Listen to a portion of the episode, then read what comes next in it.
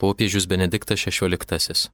Enciklika Spe Salvi apie krikščioniškąją viltį. Spe Salvi fakti sumus. Esame išgelbėti viltimi. Romiečiams ir mums, sako Paulius. Atpirkimas, išgelbėjimas, anot krikščioniškojo tikėjimo, nėra tiesiog duotas. Jis mums siūlomas ta prasme, kad mums dovanojama viltis, patikima viltis, kurios dėka galime pakelti dabartį. Dabartimi, net jei ji sunki, galime gyventi bei ją priimti, jei įveda į kokį nors tikslą ir jei esame dėl to tikslo tikri, jei tas tikslas pakankamai didis, kad pateisintų kelionėje dedamas pastangas. Dabar iškart kyla klausimas, kokiogi pobūdžio yra ta viltis, leidžianti sakyti, jog jie remdamiesi ir tiesiog vien dėl to, kad ji yra, esame atpirkti. Ir apie kokį tikrumą čia kalbama. Priešimdamiesi šių mūsų šiandieninių klausimų, pirmą turime įdėmiau įsiklausyti, kas apie viltį liudijama šventajame rašte. Viltis tikrai yra pagrindinis biblinio tikėjimo žodis toks, kad įvairiose vietose žodžius, tikėjimas ir viltis galima sukeisti vietomis. Taip laiškė žydams, gilus tikėjimas, artimai siejamas su nepajudinamu vilties išpažinimu.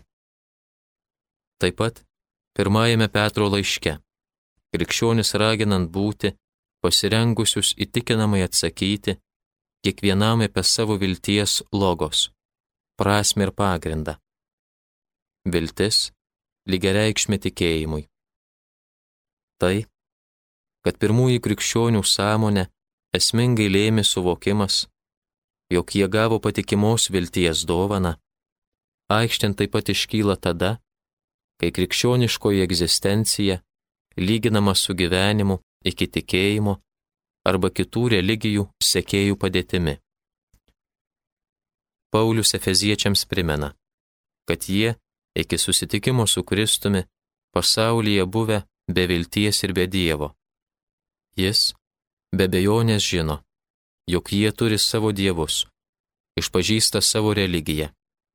Tačiau jų dievai atsiskleidė esą bejotini, o iš jų prieštaringų mitų nesklido jokia viltis. Nors ir turėjo dievus, jie vis dėlto buvo be dievo. Ir todėl klaidžiojo tamsiame pasaulyje, nežinodami, kas jų laukia. In nihil apnihilio, kuam sito recidimus. Kaip greitai iš nieko nukrentame atgal į nieką. Užrašyt ant vieno to meto kapo. Šiais žodžiais aiškiai išreiškiama tai, ką galvoje turėjo Paulius. Ta pačia dvasia tesalonikiečiams jis pareiškė neturite nusiminti kaip tie, kurie neturi vilties. Čia irgi kaip skiriamas krikščionių bruožas iškyla tai, kad jie turi ateitį. Ne ta prasme, kad konkrečiai žinotų, kas jų laukia, bet ta, kad apskritai žino, jog jų gyvenimas netuščias. Tik būnant tikram ateitimi, kaip pozityvia tikrove, dabartis pasirodo esanti verta gyventi. Tad dabar galime pasakyti, krikščionybė buvo ne tik geroji naujiena, tai yra pranešimas apie iki tol nežinomus dalykus. Šiandienė kalba pasakytume, jo krikščioniškoji žinia buvusi ne vien informacinė, bet ir performacinė. Tai reiškia, Evangelija yra ne tik perteikimas to, ką galima pažinti, ji taip pat yra perteikimas duodantis pradžią faktams ir keičiantis gyvenimą. Tamsus laiko ateities vartai atveriami, turintis viltį gyvena kitaip. Jam dovanotas naujas gyvenimas. Bet dabar kyla klausimas, kokia šios vilties, kuri kaip viltis yra atpirkimas, esmė. Atsakymo širdis pateikta ką tik cituotame tekste iš laiško Efeziečiams. Efeziečiai iki susitikimo su Kristumi buvo be vilties, nes buvo be Dievo pasaulyje. Pažinti Dievą, tikrai Dievą, reiškia įgyti viltį. Mes, kurie visada gyvename laikydamėsi krikščioniškosios Dievo sampratos ir esame prie jos pripratę, vargiai besuvokiame turį iš tikro susitikimo su Dievu kylančią viltį. Vienos mūsų laikų šventosios pavyzdys galėtų kažkiek padėti suvokti, ką reiškia realiai pirmą kartą susitikti šį Dievą. Turiu galvoje popiežiaus Jono Pauliaus antrojo šventąją paskelbtą afrikietę Juozapiną Bachitą.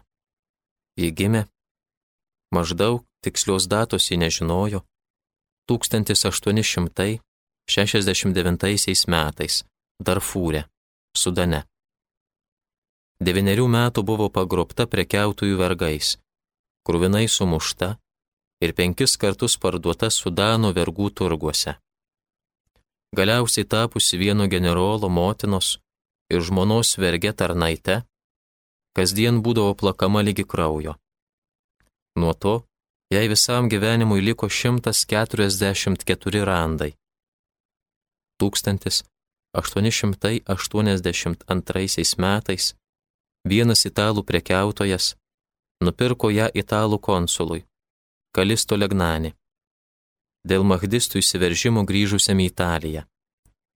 Po tokių baisių šeimininkų, kuriems iki tol priklausė, Bahita čia pagaliau pažino visiškai kitokį šeimininką kurį Venecijos dialektu vadino paron, būtent gyvą į Dievą, Jėzaus Kristaus Dievą. Iki tol jos pažinti šeimininkai ją niekindavo, bei su jie blogai elgdavosi, ar geriausių atvejų laikydavo naudinga verge. Tačiau dabar ji išgirdo, jog egzistuoja visų šeimininkų paron, visų viešpačių viešpats, ir kad tas viešpats yra geras pats gerumas.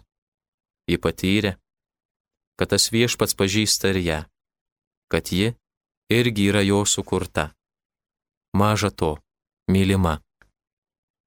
Ji irgi buvo mylima šio aukščiausiojo paron, kurio atžvilgiu visi kiti šeimininkai tai yra menki tarnai. Ji buvo pažįstama, mylima ir laukiama. Šis šeimininkas netgi pats buvo prisėmęs nuplaktojo dalę ir dabar laukia jo sėdėdamas, tėvo dešinėje. Dabar ji turėjo viltį. Ne tik kuklę viltį surasti netokius žiaurius šeimininkus, bet ir didelę viltį. Aš esu tikrai mylima, kad ir kas man nutiktų. Esu tos meilės laukiama. Todėl ir mano gyvenimas yra geras Tai pažadindama viltį, ji pasijuto esanti atpirkta, suvokė esanti nevergė, bet laisvas Dievo vaikas.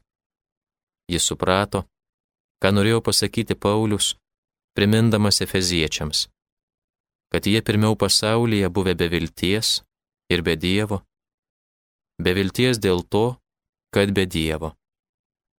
Todėl, kai ją norėjo gražinti į Sudaną, į ten vykti atsisakė. Nenorėjo vėl būti atskirta nuo savojo paron. 1890 metais, sausio 9 dieną, ji buvo pakrikštita bei sutvirtinta ir priėmė pirmąją šventąją komuniją iš Venecijos patriarcho rankų. 1896 metais, gruodžio 8 dieną, Veronoje davė įžadus bei įstojo į Kanosos seserų kongregaciją.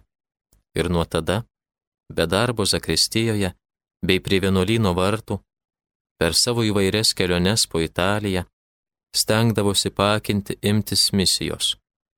Išlaisvinimą, patirtą per susitikimą su Jėzaus Kristaus Dievu, įtroško pertikti kitiems, kuo didesniam būriui jai gimusios ir ją atpirkusios vilties, ji negalėjo pasilikti savo.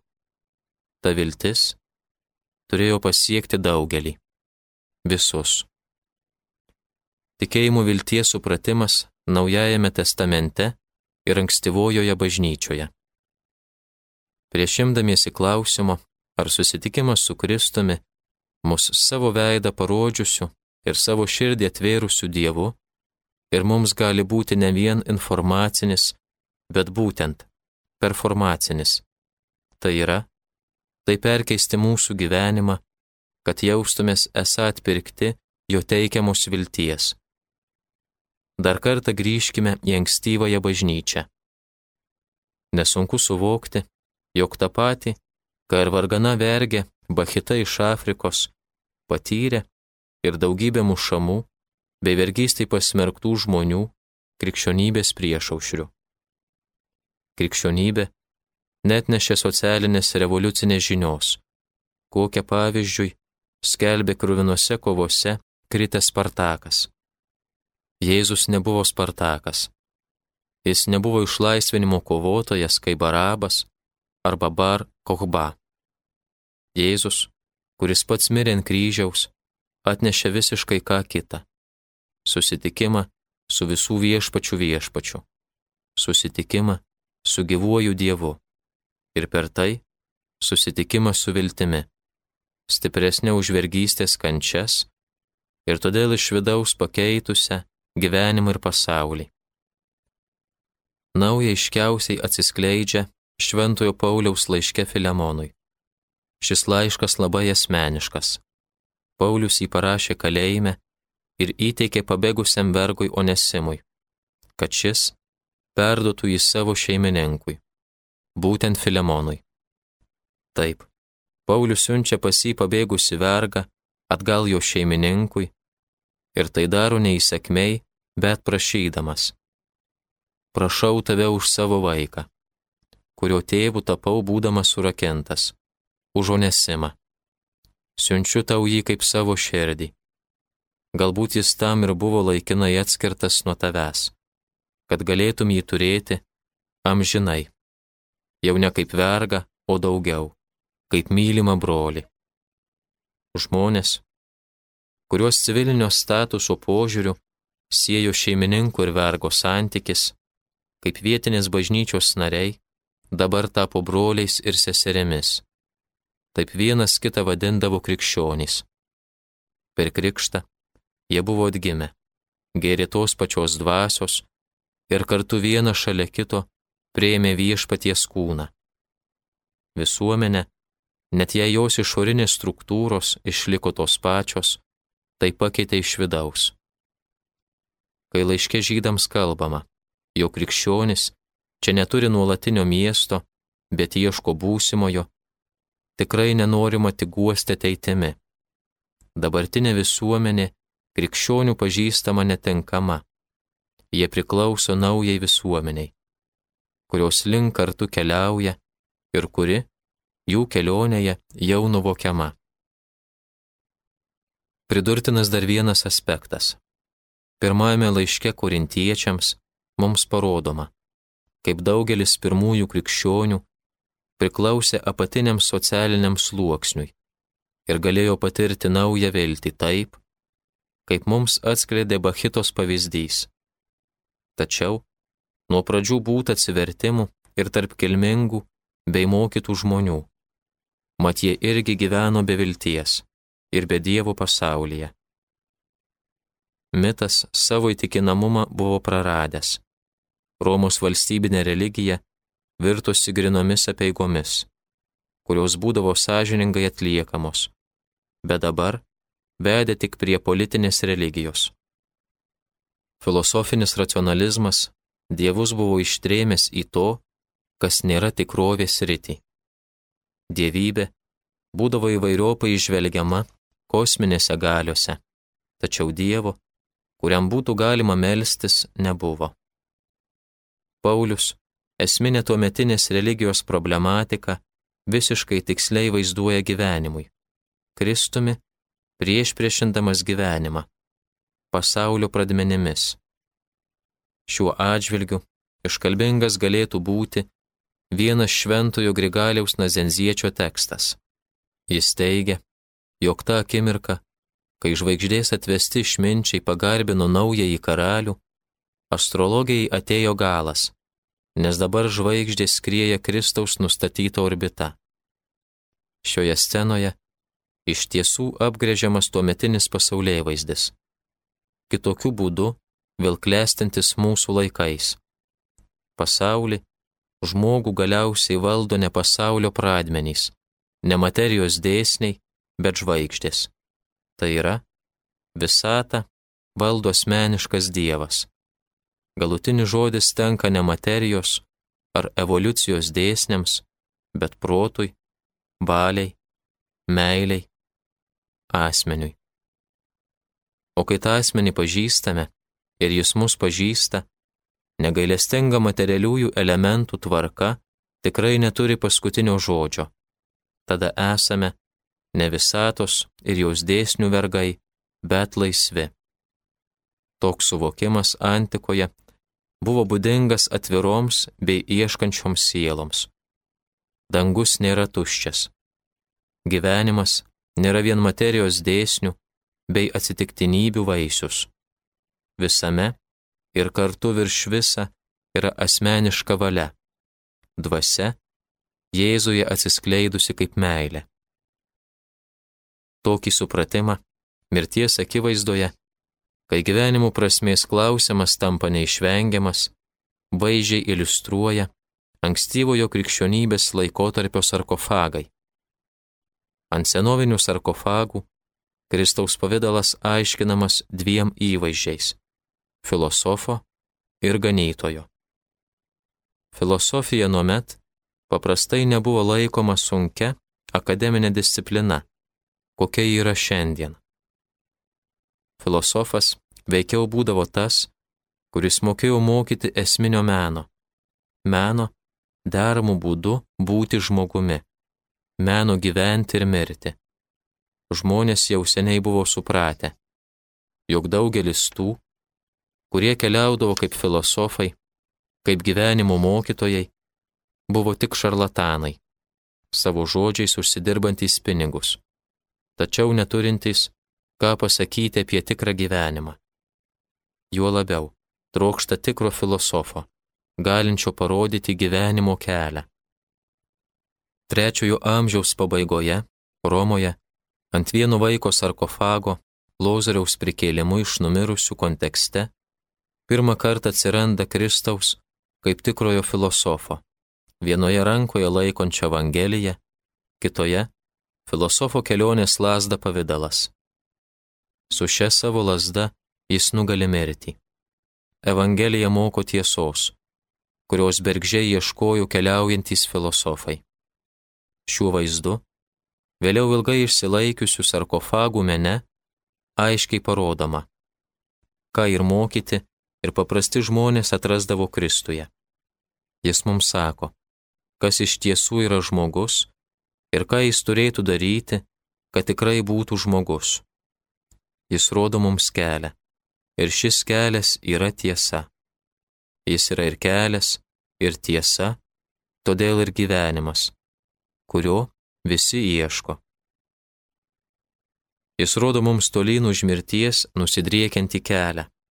Tik tas, kas įstengia tai padaryti, yra tikrasis gyvenimo mokytojas. Toks pat supratimas vaizdžiai išreiškiamas ir ganytojo įvaizdžio. Kaip filosofo įvaizdžio, taip ir ganytojo paveikslo atveju, ankstyvoji bažnyčia galėjau pasiremti egzistuojančiais romėnų meno pavyzdžiais. Ganytojas ten dažniausiai žymėdavo svajonę apie giedrą ir paprastą gyvenimą, kurio trokšdavo didmešio šurmulio supami žmonės.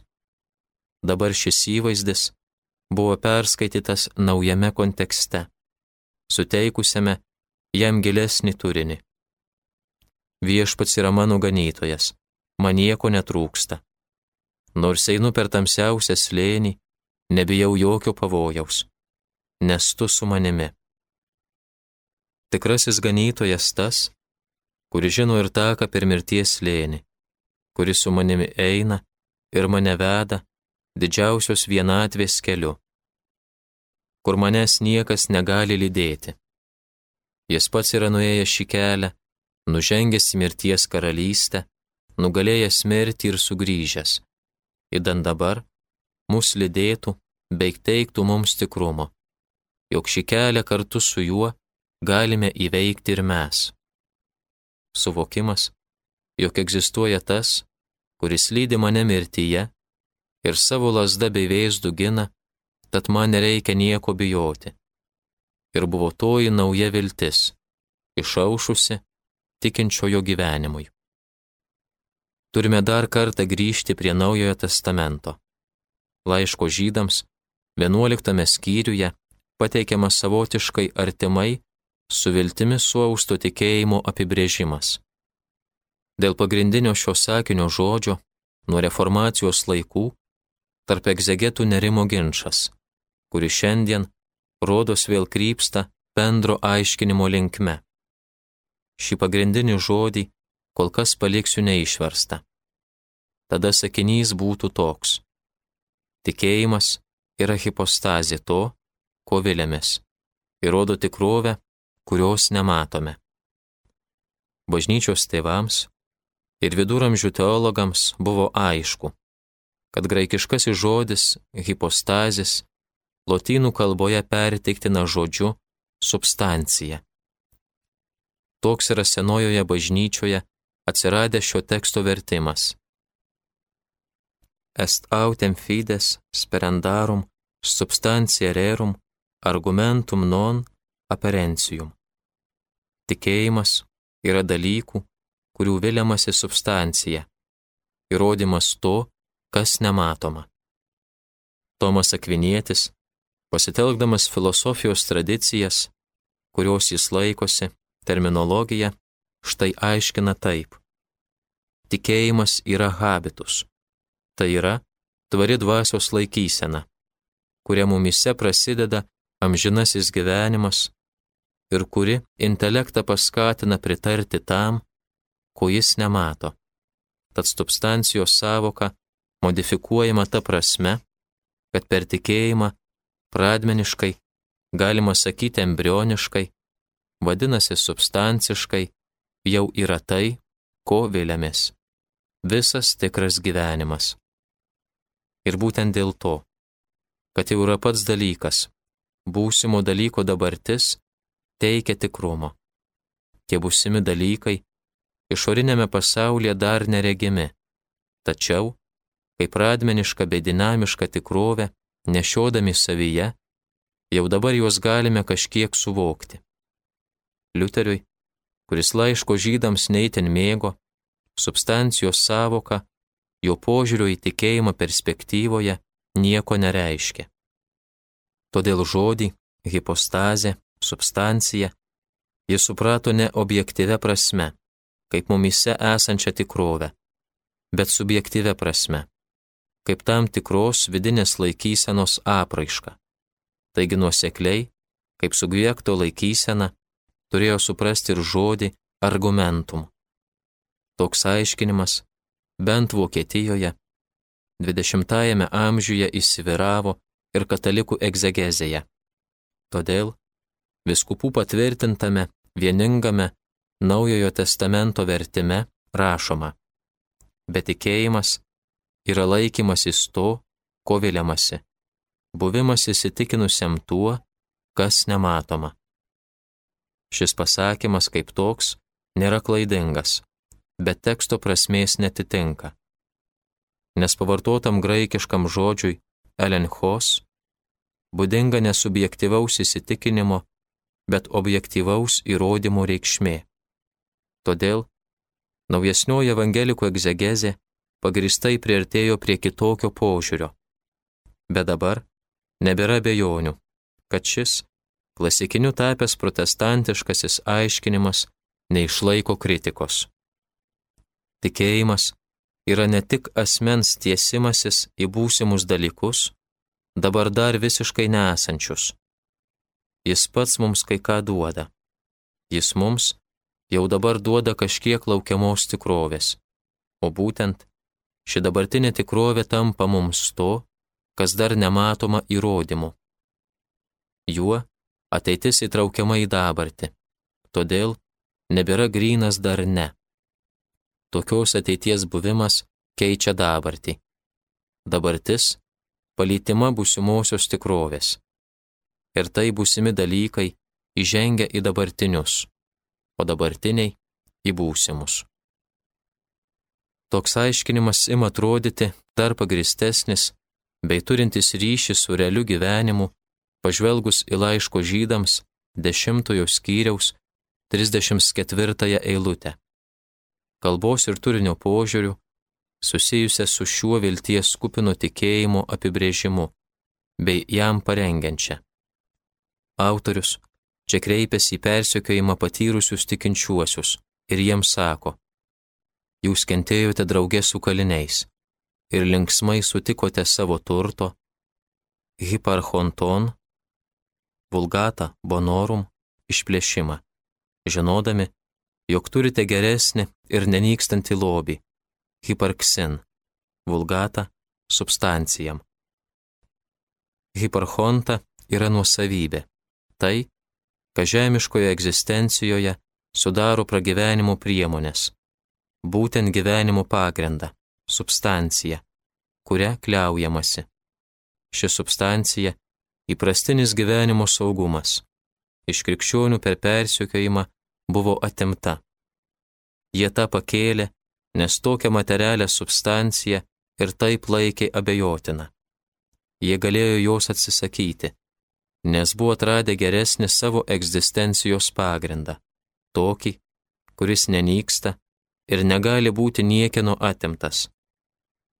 Neįmanoma nepastebėti ryšio tarp abiejų substancijos pavydalų tarp pragyvenimo priemonių arba materialaus pagrindo ir tikėjimo žodžio, kaip pagrindo, kaip nenykstamos substancijos.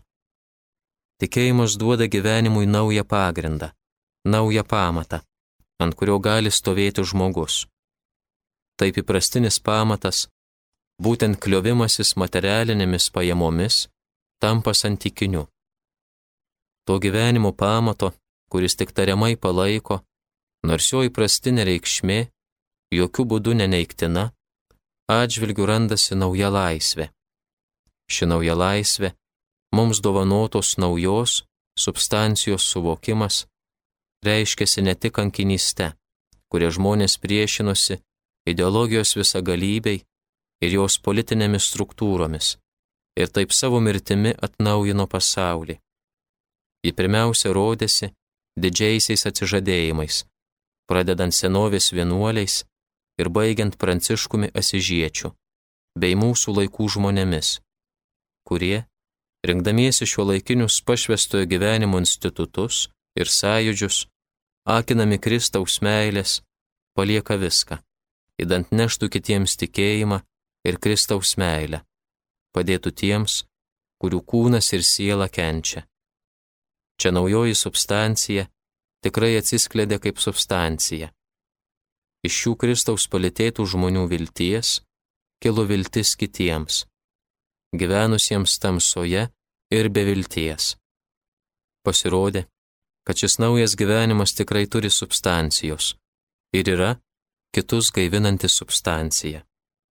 Mums, žvelgiantiems į šiuos pavydalus, jų veikla ir gyvenimas tikrai įrodo, jog busimi dalykai Kristaus pažadas yra ne tik lauktina tikrovė, bet ir tikra dabartis, kad jis tikrai yra filosofas ir ganytojas, mokantis mus, kas yra gyvenimas ir kur jį rasti. Norėdami giliau suprasti šį dviejų substancijos pavydalų - hipostazis ir hiparchonta ir dviejų jais išreiškiamų gyvenimo būdų apmąstymą, turėtume dar glaustai pagvildenti du su tai susijusius žodžius, aptinkamus laiško žydams dešimtajame skyriuje.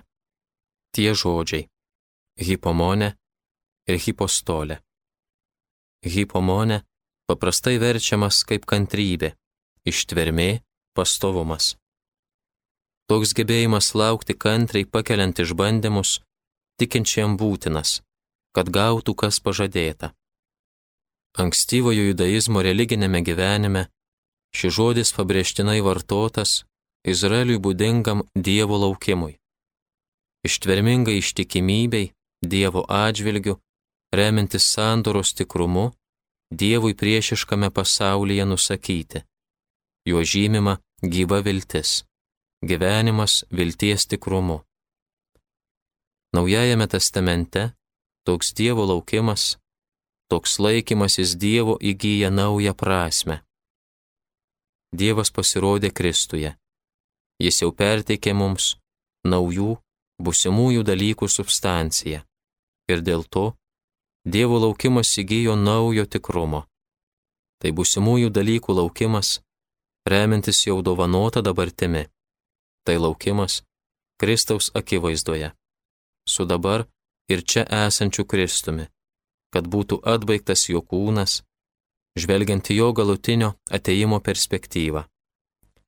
Tuo tarpu žodžiu, hipostole, galvoje turimas atsitraukimas, nedrįstant atvirai ir sąžiningai pasakyti tiesos, kuri gali būti pavojinga. Toks slapstimasis nuo žmonių jų bijant veda į pražūtį. O taip, priešingai, gražiai antrajame laiške Timotiejui apibūdinama pamatinė krikščionių laikysena. Dievasgi mums davė ne baimės dvasę, bet galybės, meilės ir protingumo dvasę. Popiežius Benediktas XVI. Enciklika Spė salvi apie krikščioniškąją viltį.